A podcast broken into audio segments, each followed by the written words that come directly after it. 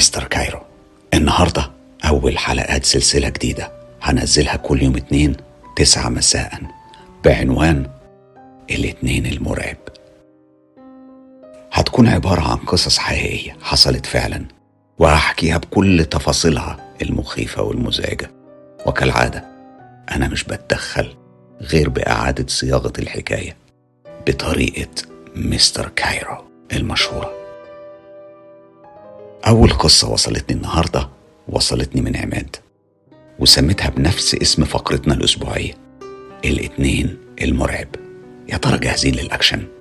أنا عن نفسي جاهز وكمان بسجلها في الضلمة علشان أعيش الإحساس وخليكم تحسوا معايا صفوا تفكيركم تماما جهزوا المكان وعيشوا تفاصيل حكاية حقيقية لكنها أغرب من الخيال.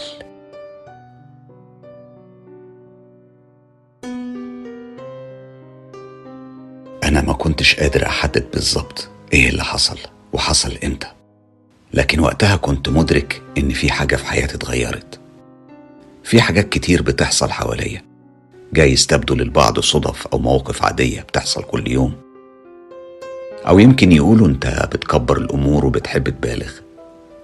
بس للأسف الشديد هي ما كانتش صدف ولا مواقف عادية وأنا كمان عمري ما ببالغ وده السبب إني متأكد إن حياتي دخلت في منعطف خطير. لا مش بس خطير لا ده مرعب ومخيف والأصعب إني وقتها ما كنتش لاقي له أي تفسير.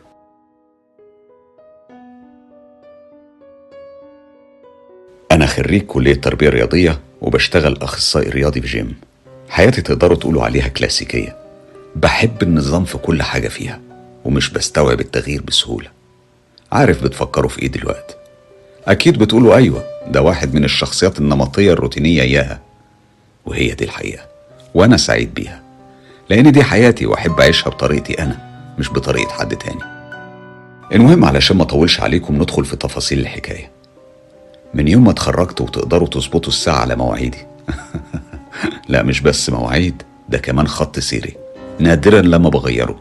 وده كان السبب اللي خلاني ألاحظ الشيء الغريب ده واللي مش مفهوم أبدا. أنا ساكن في اسكندرية وبالتحديد في منطقة اسمها جليم. شغلي في منطقة اسمها لوران.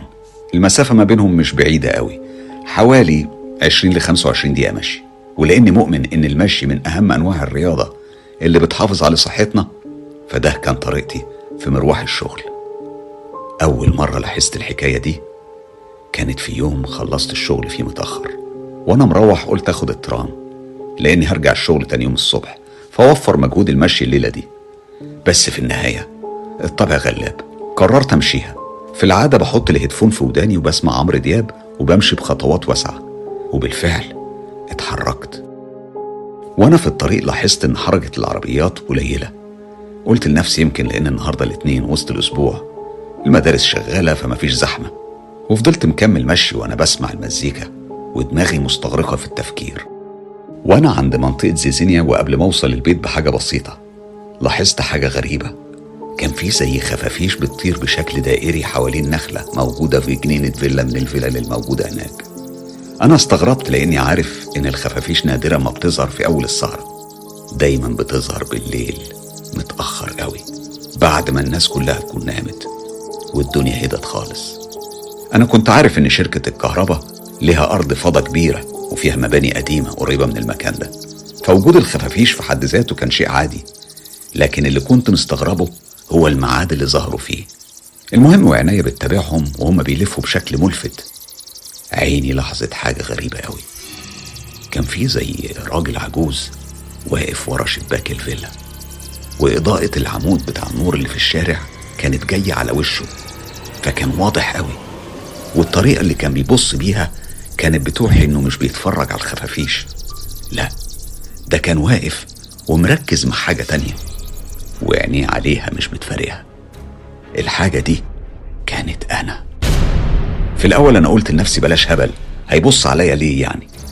لكن لما وقفت وشلت السماعات من وداني وبصيت عليه حصل شيء ما توقعتوش أبدا. لقيت الخفافيش طارت في اتجاهه وغطت الشباك وما كانش باين منه أي حاجة.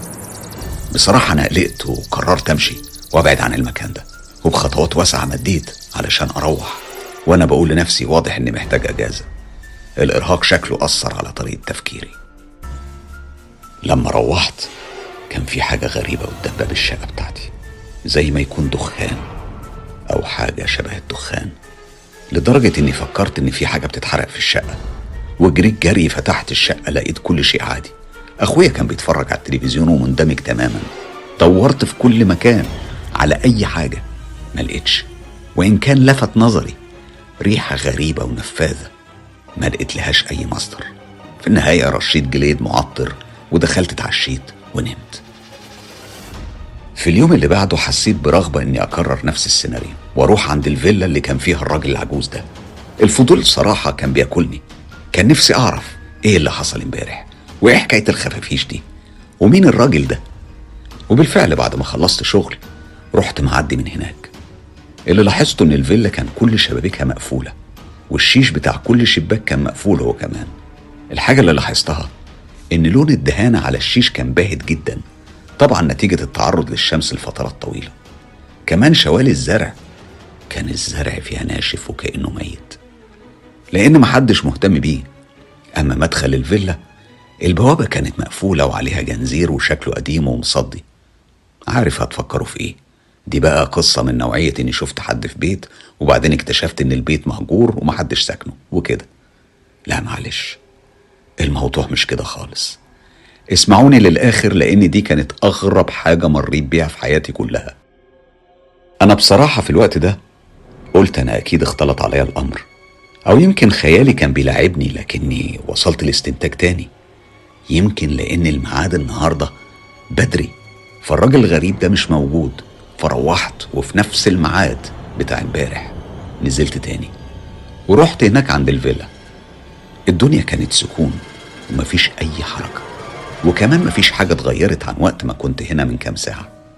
وطبعا ما كانش فيه أي أثر للراجل العجوز ولا للخفافيش. أنا كنت متأكد من اللي أنا شفته وعارف كويس الراجل كان مركز معايا إزاي. وعشان كده ولمدة تلات أيام أروح وأكرر المحاولة وكل مرة أرجع إيد ورا وإيد قدام مفيش أي حاجة. المهم بعد كام يوم كنت نسيت خالص الحكاية دي لحد ما جه يوم الاثنين اللي بعده وأنا رايح الشغل والدنيا كانت نهار والطريق كله زحمة عربيات وناس وطلبة. كله في طريقه وراه مصالح بيخلصها وأنا زيهم. الفرق بينا كان في ال headphone وعمرو دياب وخطواتي السريعة. يومها طلعت من جليم على الشارع اللي موجود فيه محطة الترام لأن ده كان أسهل طريق بيوديني الجيم. وبحب دايما أخرم منه. دماغي كانت مشغولة بسامر صاحبي وأخته اللي كان عندها مشكلة عويصة شوية. وأنا كنت لسه مساعدهم في حلها من كام أسبوع. وعمال أقول لنفسي النهاردة لازم أتصل بيهم وأطمن إن كله تمام. في اللحظة دي كنت سامع ترام معدية جنب مني في منطقة مزلقان سان ستيفانو. صوتها كان عالي قوي لدرجة إنها غطت على صوت عمرو دياب في ال headphone. معرفش ليه رفعت عيني ببص على الترام وهي معدية. وفي شباك من شبابيكها شفت حاجة خلت ضربات قلبي تجري وتضرب بسرعة رهيبة. أنا وبالرغم من إننا كنا في عز النهار نفس الوش اللي كان واقف ورا شباك الفيلا من أسبوع. بس المرة دي كان في الترام وكان بيبحلق لي وعينه مش بتتشال من عليا. أنا عرفته من شكل وشه المميز نفس الراس الكبيرة نوعا ما والمناخير المفضحة. الموضوع كان للحظات سريعة بس كانت كفاية علشان أفهم إنه راجل كبير يمكن في أواخر السبعينيات. شعره كان أبيض قوي وعينيه واسعة ومميزة بشكل واضح. والأهم إنه كان بيبحلق لي وبرضه لسه مركز معايا جدا بشكل مش مفهوم لدرجة إني وقفت في مكاني وشاورت له بإيدي وصرخت بصوت عالي علشان يقدر يسمعني. إيه؟ في إيه؟ أنت مين؟ لكنه ولا كأنه سمع حاجة. عينيه كانت ثابتة عليا بشكل يخوف بجد والترام كانت بتتحرك وهي مهدية عند المزلقان. في الأول أنا فكرت أجري ورا الترام وحصلها لمحطة قصر الصفا وأطلع أشوف مين الراجل ده وحكايته إيه. لكن في النهاية قررت أصرف نظر تماما عن الموضوع ده وقلت لنفسي ما تعال يا ابني أنت إيه اللي جرالك ورحت الشغل وحطيت الموضوع ده كله ورايا. معرفش عدى قد إيه أيام لما حصل لي موقف أغرب من كل اللي فاتوا. كنت مخلص شغل وفات عليا واحد صاحبي علشان كان عايز يشتري عجلة وعايز يستفيد بخبرتي. المحل كان في محطة الرمل وبالتحديد في شارع السلطان حسين. بعد ما اشترينا العجلة قلت لصاحبي استنى أنا هطلع بره أجيب تاكسي ونحطها فيه. وبالفعل خرجت بره المحل وفضلت واقف مستني أي تاكسي معدي علشان أوقفه. كان في إشارة مرور وجنب الإشارة كان في محل بتاع قهوة برازيلي. وأنا ببص على الإشارة مستنيها تحمر علشان توقف المرور عيني جت على شباك المحل. وتحديدا الدور التاني. طبعا مش محتاج أقول لكم عينيا اتمسمرت على حد بيبص عليا من شباك المحل. قلبي غاص بين ضلوعي والعرق غرقني تماما. صوت المرور من حواليا والزحمة والناس كله اختفى. كل اللي كنت سامعه هو صوت ضربات قلبي وصوت جنحان الخفافيش وهي بتلف حوالين النخلة. يوم ما شفت الراجل ده أول مرة. المرة دي عينيه كانت قصاد عيني بشكل واضح. المسافة ما كانتش بعيدة فكنت شايف تفاصيله. لون إشارة المرور لما تحول للون الأحمر. زود من رهبة الموقف. ما كنتش عارف أحدد هي عينيه اللي حمرة ولا ده تأثير الإشارة. وقبل ما خيالي ياخدني في مناطق تانية بعيدة لقيت الراجل العجوز اللي راسه كبيرة ومناخيره مفلطحة بيرفع إيديه وبيشاور لي على حاجة ورايا. أنا كنت عايز ألتفت وأبص بس في نفس الوقت كنت مش عايز أشيل عيني من عليه. كان زي ما يكون مغناطيس شددني لعينيه اللي فيما يبدو كانت حمرة وما كانش ضوء إشارة المرور. أنا ما فقتش من الحالة اللي كنت فيها إلا لما بياع بتاع ترمس كان بيحاول يحرك عربيته جوه مدخل شارع سد جنب الإشارة علشان يهرب من شرطة المرافق. وكان بيقول لي وسع يا أستاذ أنت نمت ولا إيه؟ مسافة ما اتحركت وعديته ورجعت أبص على شباك محل القهوة البرازيلي. الراجل العجوز كان اختفى وملهوش أي أثر. أنا جريت زي المجنون ودخلت المحل وطلعت الدور التاني. كنت متأكد إن شكلي كان مش طبيعي لأن الناس كانت بتبص لي باستغراب شديد. أما أنا ما كانش فارق معايا. أنا كنت بدقق في كل الوشوش. بحاول أدور على ملامح. كنت عرفتها وحفظت تفاصيلها. الليلة دي كانت ليلة غريبة. كنت بسمع أصوات طالعة من الحمام. كانت أصوات غريبة ومش طبيعية. أخويا قال لي دي أكيد المجاري فيها مشكلة. طول الليل بحلم بالراجل العجوز ده. كان بيظهر لي في أشكال كتيرة وغريبة ومش منطقية أبدا. حلمت من الأحلام اللي حلمتها إني في المدرسة تاني. وكنا في رحلة للأهرامات. وهناك تهت من المجموعة المدرسية. ودخلت في هرم خفرع. كان فيه سرداب عميق قوي. الفضول خلاني أنزل فيه. كنت سامع أصوات زي طيور جناحاتها بتتحرك بسرعة وكنت حاسس بالهوا بيخبطني في وشي. كان هوا بارد ممتع وأنا كنت حران قوي. شوية ولقيت الطيور هجمة عليا. كان عددها كبير جدا لكن لما ركزت معاها اكتشفت إنها مش طيور. دي خفافيش وخفافيش كتير. لكن كلها شبه بعضها وحاجة واحدة بتجمعهم كلهم. كلهم لهم وش بني آدم مش خفاش. الوش ده كان وش كنت عارفه كويس قوي وش راجل عجوز مناخيره مفلطحة. لما صحيت من النوم وأنا بزعق لقيت أخويا واقف جنبي وبيقول لي إيه في إيه؟ أنت رعبت البيت كله. زمان السكان سمعوا صوتك من كتر الصريخ اللي كنت بتعمله. أنا قلت له ما يقلقش ده كان كابوس وكويس إنه كان موجود. وقلت له اسمع هقوم أتوضى وأصلي ركعتين علشان أفوق. لما دخلت الحمام لاحظت إن شباك الحمام كان عليه حاجة بتتحرك من بره. أنا بصراحة اترعبت وناديت أخويا بسرعة. لما فتح الشباك اكتشف إن في مجموعة كبيرة من الفئران متجمعة عند شباك الحمام وبياكلوا في حاجة غريبة. لما طردهم ورحنا نشوف بياكلوا إيه. لقيناه زي ما يكون عظم شكله زي ما يكون كان مدفون وحفروا وطلعوه لأن كان عليه طين ناشف كتير. الحاجات الغريبة ما خلصتش هنا. دي كانت مجرد بداية أحداث اتطورت كتير قوي بعدها. الأوضة عندي مثلا كانت بتقلب برد جدا بدون أي سبب بالرغم من إننا في الصيف وفي عز الحر.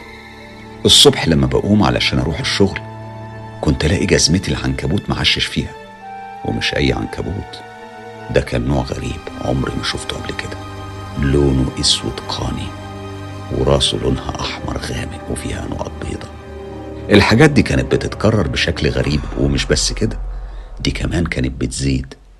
أنا لما بدأت أتكلم مع أخويا في الموضوع لقيته بينبهني لحاجة أنا عمري ما فكرت فيها قبل كده ولا خطرت لي على بال. كل المرات اللي شفت فيها الراجل العجوز ده كانت أيام اتنين. مش جمعة ولا أربع ولا أي يوم تاني. ما حصلتش غير يوم الاتنين. وفعلا لما راجعت اللي حصل اكتشفت إن أخويا عنده حق في كل استنتاج وصل له. ويوميها كنا يوم سبت. فقلت له طيب على كده يبقى فاضل يوم واحد والمفترض طبقا للنظرية دي هشوف الراجل ده يوم الاثنين اللي هو بعد بكرة. فاتفقنا أنا وأخويا إنه يلازمني طول اليوم يوم الاثنين. ونحاول نوصل للراجل ده ونشوف إيه سره والحكاية اللي وراه. يوم الحد بالليل وأنا قاعد برتب حاجاتي استعدادا لأحداث يوم الاثنين. فتحت الدولاب علشان أطلع الكاميرا. بصيت لقيتني بضحك في مراية الدولاب. أصل الدولاب بتاعي فيه مراية من جوه. أنا متأكد إني ما كنتش بضحك. لأني فعلا ما كنتش بضحك. لكن انعكاس خيالي اللي في المراية كان بيضحك. وقتها أنا قربت قوي من المراية عشان أتأكد إني شايف صح. لقيت انعكاسي في المراية بيبعد مش بيقرب. أنا اتلبشت. ومن كتر الخضة مسكت باب الدولاب اللي فيه المراية وقعدت أهزه. الباب اتخلع في إيديا ووقعت بيه على الأرض. المراية اتكسرت. مش عارف ليه ساعتها افتكرت جدي وهو بيكلم أبويا الله يرحمهم الاتنين. ساعتها كان بيقول له كسر المراية بيجيب سبع سنين نحس. أخويا جه جري على صوت المراية لما اتكسرت وقعد يهديني. ولما حكيت له على اللي حصل حسيت بنظرة قلق في عينيه. يظهر فكرني لا ساعة أو حصل لي حاجة في مخي. أنا نفسي بصراحة ما كنتش متأكد وقتها هو أنا اتجننت. يمكن اتجننت فعلا وبشوف حاجات. ولا إيه؟ المهم أنا طلبت من أخويا ينام معايا الليلة دي في أوضتي. الساعة تلاتة ونص الصبح لقيت أخويا بيصحيني. ببص حواليا لقيتني في المطبخ. استغربت جدا. لقيته بيشاور لي على البوتاجاز وبيقول لي إنه لقاني قمت من النوم وسبت السرير ومشيت بره الأوضة. ولما ناداني أنا ما ردتش عليه. فقلق وقرر يراقبني.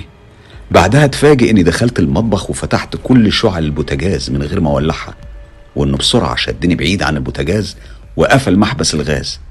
يعني لو ما كانش قام ورايا كانت هتبقى مصيبة. قعدنا بقية الليلة صاحيين ومعرفناش ننام.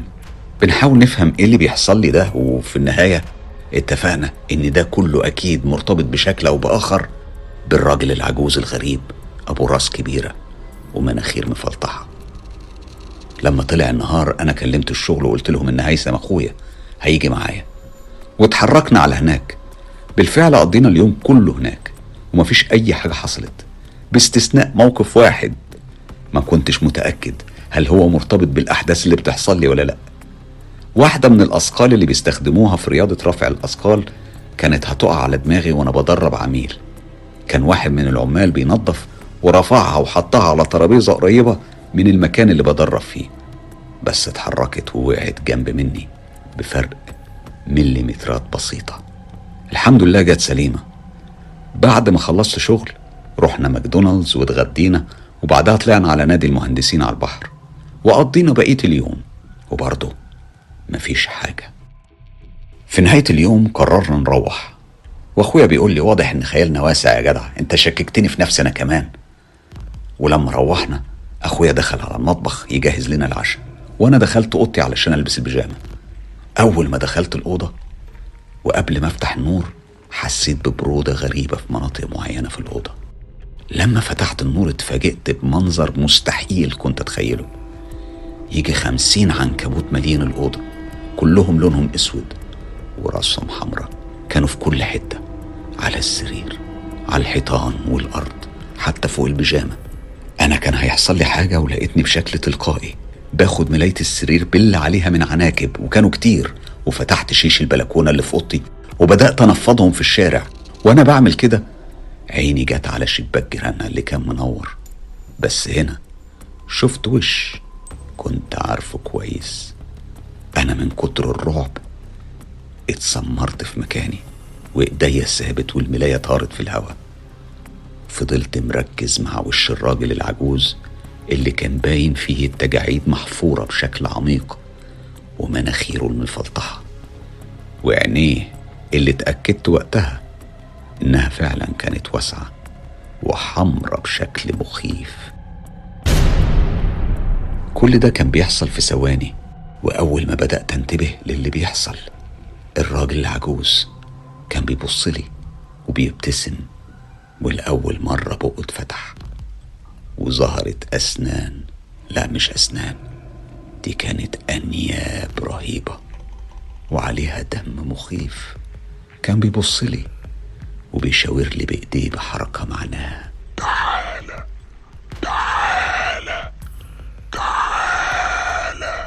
أنا كنت بدأت أنجذب لحركته ودماغي سلمت نفسها لإرادته.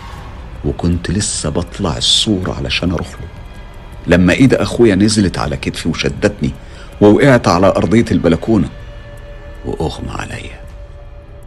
لما فقت بعدها وحكيت لأخويا على اللي حصل أخدني ورحنا سوا لبيت جيراننا اللي شفت الراجل ده عندهم. لما فتح لنا الحاج حمدي وسألناه في حد عنده بالمواصفات دي أنكر تماما. وكمان صمم إننا ندخل نشرب شاي ونتأكد إنه لوحده. لأن مراته وولاده مسافرين من كام يوم عند حماته. واضح إنه كان حاسس قد إيه إحنا باين علينا الفزع. هو حاول يخرج مننا بأي معلومة بس إحنا توهناه في الكلام. الليلة دي؟ أنا وأخويا معرفناش ننام. كل اللي عملناه إننا شغلنا قرآن في كل أوض الشقة. وبقينا نبص لبعض وإحنا في حالة ذهول لحد ما طلع علينا الصبح. وقتها أنا قلت لأخويا إني أعرف شيخ مبروك. كنت رحت له من فترة علشان واحد صاحبي. أخته كان عندها مشكلة رهيبة والشيخ ده حلها لها. أخويا ما كانش مقتنع لكن لما قلت له إن اللي عرفني بسكة الشيخ ده كان أبونا الله يرحمه لما مرة كنا راجعين من زيارة ناس قرايبنا في المحلة الكبرى وإحنا في طريق الرجوع مرينا جنب مزلقان بلد اسمها محلة روح. وقتها أبويا شاور لي على طريق ترابي وقال لي دي سجين. دي بلد فيها شيخ عنده كرامات وراجل مبروك ما بياخدش فلوس لكن بيحل المسائل المعقدة اللي البشر ما بيعرفوش يحلوها. يقصد المسائل اللي بيبقى متورط فيها جن وأعمال سفلية والذي منه. أخويا سمعني وهو فاتح بقه من الذهول وصمم يروح معايا وما يسيبنيش أروح لوحدي. وبالفعل اتحركنا على هناك لما وصلنا كان الظهر بيأذن دخلنا صلينا في جامع القرية وإحنا خارجين الشيخ إدريس كان سابقنا على الباب. بسرعة ناديت عليه وأول ما شافني افتكرني وأخدنا على بيته. وإحنا بنشرب الشاي الشيخ قعد يسمعني وأنا بحكي كل التفاصيل اللي عشتها الأسابيع اللي فاتت وهو مهتم جدا. وبعدين سألني سؤال واحد. فاكر أخت صاحبك وصاحبك اللي جبتهم هنا المرة اللي فاتت؟ وأنا خرجت منها اللي خرجته وحطيته في حجاب. وبعدها أنا قلت لصاحبك يرميه في مية جارية بعيد عنهم وما يبيتفوش معاه. تعرف عمل إيه في الحجاب ده؟ أنا تنحت وبصيت له وأنا في حالة ذهول وقلت له أيوه أنا عارف إيه اللي عملوه. هو إحنا بعد ما مشينا من هنا سامر صاحبي اتخانق مع أخته علشان هو كان عايزها هي اللي ترمي الحجاب ده في البحر. أصله كان متلبش ومرعوب من إنه حتى يلمسه. وقتها أنا اتطوعت وقلت لهم ما يشغلوش بالهم. أنا اللي هرميه في البحر خصوصا إن البحر مش بعيد عن بيتي. أنا بصراحة بعد ما خدته منهم حطيته في تابلوه العربية ونسيته خالص وما افتكرتش إلا في آخر اليوم فقلت هرميه الصبح. وأخدته وطلعت البيت عندي وتاني يوم الصبح بدري وقبل ما أروح الشغل عديت على البحر وطوحت الحجاب فيه. الشيخ بص لي بصة طويلة قوي وهو ساكت لدرجة إني قلت ده سرحان ولا إيه؟ لكن بعد فترة نطق بصوت رخيم وعميق. يعني الحجاب بات عندك وما اترماش في يومها. أنا رديت عليه وأنا محرج بصراحة. آه أنا غلطت. اصلي نسيت خالص إنك كنت قايل لهم إنه لازم يترمى في نفس اليوم وما يباتش. أخويا كان بيتابع الحوار وهو في ذهول ولما سمع الجملة دي قال للشيخ هو ده ممكن يعمل مشكلة؟ الشيخ بص لنا وقال بصوا أخت صاحبكم ده كان في حد عامل لها عمل. رابطها بحيث ما تتعلقش إلا بحد يكون عجوز فما يبقاش لها أي تقبل لأي شاب من سنها أو قريب منه. والعمل ده اللي بيخدم عليه هو عفريت من الجن مؤذي جدا. وعلشان كده كان لازم تخلص من العمل ده في يوميها وما تستناش. عموما أنت حظك كويس واتكتب لك عمر جديد إنك وصلت هنا في الوقت المناسب. الخادم كان هيخلص عليك في ظرف خمس أسابيع.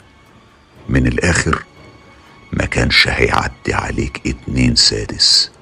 أنا بصيت له وقلت له اشمعنى يوم الاثنين قال لي اليوم اللي بيت فيه العمل عندك كان يوم اتنين لأنكم كنتم عندي يوم الحد وهو مش بيقدر يظهر غير في نفس اليوم اللي العمل بيت فيه وما اترماش.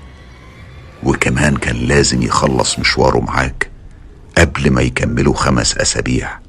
فكل حكايتك دي كانت هتخلص قبل يوم الاثنين السادس وده خادم من الجن الشرس. لما بيخلص على البني آدم بيخلص عليه بطريقة أصعب من اللي ممكن خيالك يصورها لك لأن بيفصل الروح عن الجسم. وبعدها بيرمي الجسم للشياطين يلبسوه أو يتغدوا عليه والروح بياخدها هو يسخرها لخدمته.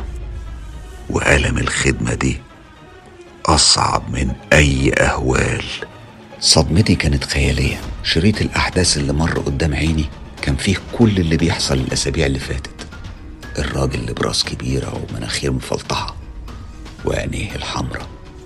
الخفافيش العناكب السودة الدخان اللي كان على مدخل الشقة البرد اللي كان في أوضتي وكمان يوم ما فتحت الغاز والأصوات اللي كنت بسمعها بتطلع من الحمام فترة الليل والعنكبوت اللي كان بيعيش جوه الجزمة وحاجات تانية كتير.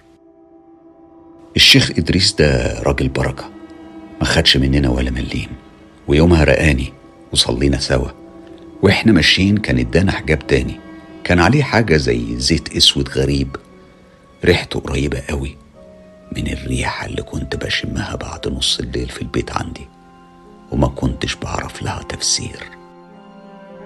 الساعة تمانية ونص مساء اليوم ده كنا وصلنا بلاج ميامي في اسكندرية ورمينا العمل في بير مشهور هناك واصل بالبحر اسمه بير مسعود. أصلي بصراحة خفت أرميه في البحر قدام البيت عندي. ومن وقتها والدنيا كلها ظبطت وكل الحاجات الغريبة اللي كانت بتحصل خلاص خلصت. وما عادتش بتحصل. بس حاجة واحدة بس. هي اللي دايما بعمل لها ألف حساب. هي يوم الاثنين. يوم الاثنين. يوم الاثنين. كل اللي تابعوا قناة Mister Cairo الأسبوع اللي فات وتحديدا يوم الاثنين وسمعوا قصة ال compound. وأكيد قصة ال compound ورعب ال compound كانت آه، قصة من القصص المثيرة جدا واللي بتحكي أحداث حقيقية عاشتها مروة وأسرتها.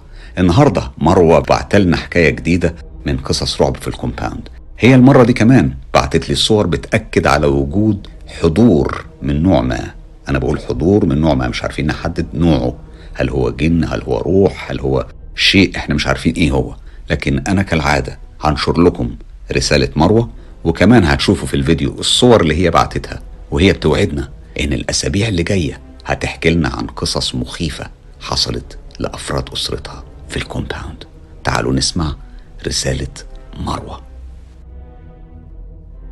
الصور دي من سنة.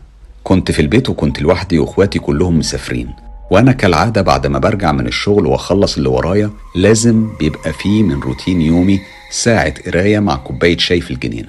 فجأة حسيت إني مش لوحدي وفي حضور قوي والإحساس ده بيبقى عبارة عن وجع في راسي وألم في معدتي وريحة زي ريحة الكبريت. كانت قوية جدا. المهم أنا لما لقيت الوضع كده فضلت آخد صور عشوائية لحد لما ظهرت الست اللي في الصورة دي وكانت عايزة تتواصل معايا. التواصل بيبقى عن طريق التخاطر أما أنا فرفضت ولما رفضت الست دي مشيت عادي. هي كانت مسالمة جدا. لحد النهاردة ويوميا كل يوم الساعة خمسة وأنا موجودة في مكان معين في جنينة الفيلا وبيصادف إني أبقى في البيت نفس الإحساس بيجيلي فبيبقى في حضور. بتبقى في ريحة قوية لعطر رجالي وبالتحديد كولونيا خمس خمسات بتاعت زمان.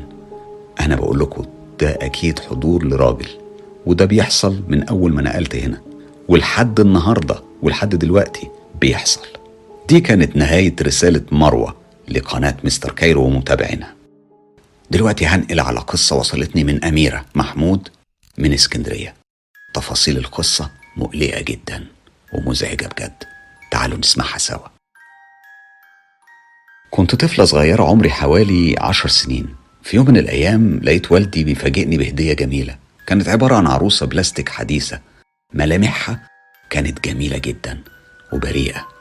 شكلها كان قريب جدا لشكل البشر.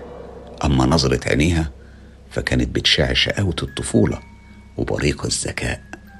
ومن كتر ما هي تبدو حقيقية كل اللي كان بيشوفها كان بيحلف إنه فكرها طفلة بجد. أميرة بتقول سألت والدي جبتها منين يا بابا؟ قال لي من محل بيبيع أشياء مستعملة في وسط البلد في اسكندرية. أنا بصراحة فرحت بيها جدا خصوصا إني كنت بنت وحيدة ماليش أخ أو أخت فكنت بلعب معاها ليل ونهار وما بتفارقنيش أبدا. كنت بتعامل معاها وكأنها بنتي فكنت بفصل لها فساتين عند الخياطة اللي ماما بتتعامل معاها وكنت دايما بسرح لها شعرها. ومش بس كده ما تضحكوش كنت باخدها معايا وأنا باخد دش. كانت الأيام بتمر هادية وروتينية لحد كبير من غير أي شيء غير عادي. لكن بعد فترة بدأت ألاحظ أشياء غريبة. مثلا كنت ألبسها فستانها. الاحظ انها بترفع دراعها علشان تساعدني ألبسه لها. لما حكيت لماما ضحكت عليا وعلى خيالي وقالت لي خيالك واسع قوي. لكن في يوم من الأيام وإحنا متجمعين بنتفرج على التلفزيون وكنت أنا بسرح شعر العروسة. فجأة سمعنا كلنا صوت حد بيتألم وبيصرخ وبيقول شعري شعري. الكلمة كانت واضحة جدا. كلنا سمعناها. ماما بصت لي وهي مخضوضة وكان على شفايفها ابتسامة مش مطمنة خالص. وقالت لي أنت يا أميرة اللي اتكلمتي؟ بصيت لها وسكت وهزيت راسي يمين وشمال وشاورت لها على العروسه غادة وده كان الاسم اللي اخترته لها. قلت لها لا يا ماما دي كانت غادة اللي بتقول. ماما جالها ذهول واتصدمت وخدت غادة بين ايديها وقعدت تبص لها وتتفحص فيها. وفجأة لقيتها بترميها على الأرض وصرخت وقالت لا والله العظيم العروسة دي فيها حاجة مش طبيعية. دي بتبص لي بطريقة غريبة. وبعدها لقيتها شدتني بسرعة بره الأوضة وسيبنا غادة جوه. واستنينا بابا يرجع من الشغل. لما رجع حكينا له على اللي حصل و... وأنا قمت مكملة وحكيت لهم حاجات غريبة كانت العروسة بتعملها معايا. وإني بجد كنت ساعات بحس كأنها إنسان فيه روح حقيقية. وعلشان ما أطولش عليكم بابا راح مكلم واحد من جيراننا. كان شيخ جليل وحكوله على اللي حصل. فجه البيت عندنا وقعد يقرأ قرآن. وفي نهاية الجلسة اخد العروسة غدا معاه علشان يخلصنا منها.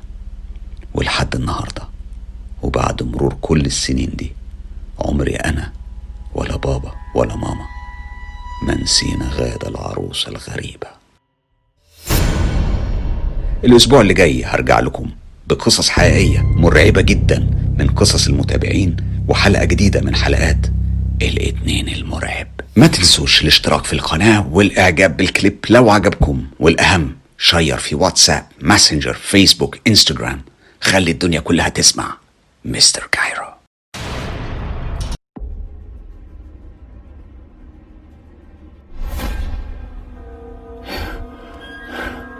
المشكلة مش فيا أنا. المشكلة فيهم هما الأصوات اللي بتكلمني كل ليلة والأحلام اللي بتطردني أنا مش هما وهم مش أنا بس هما مش عايزين يفهموا. مصرين إني أنفذ واقتلك أنت.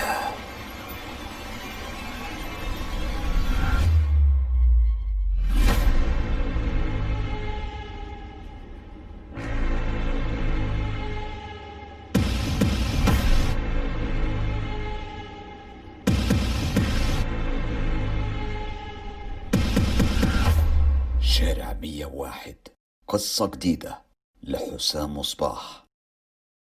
على قناة مستر كايرو.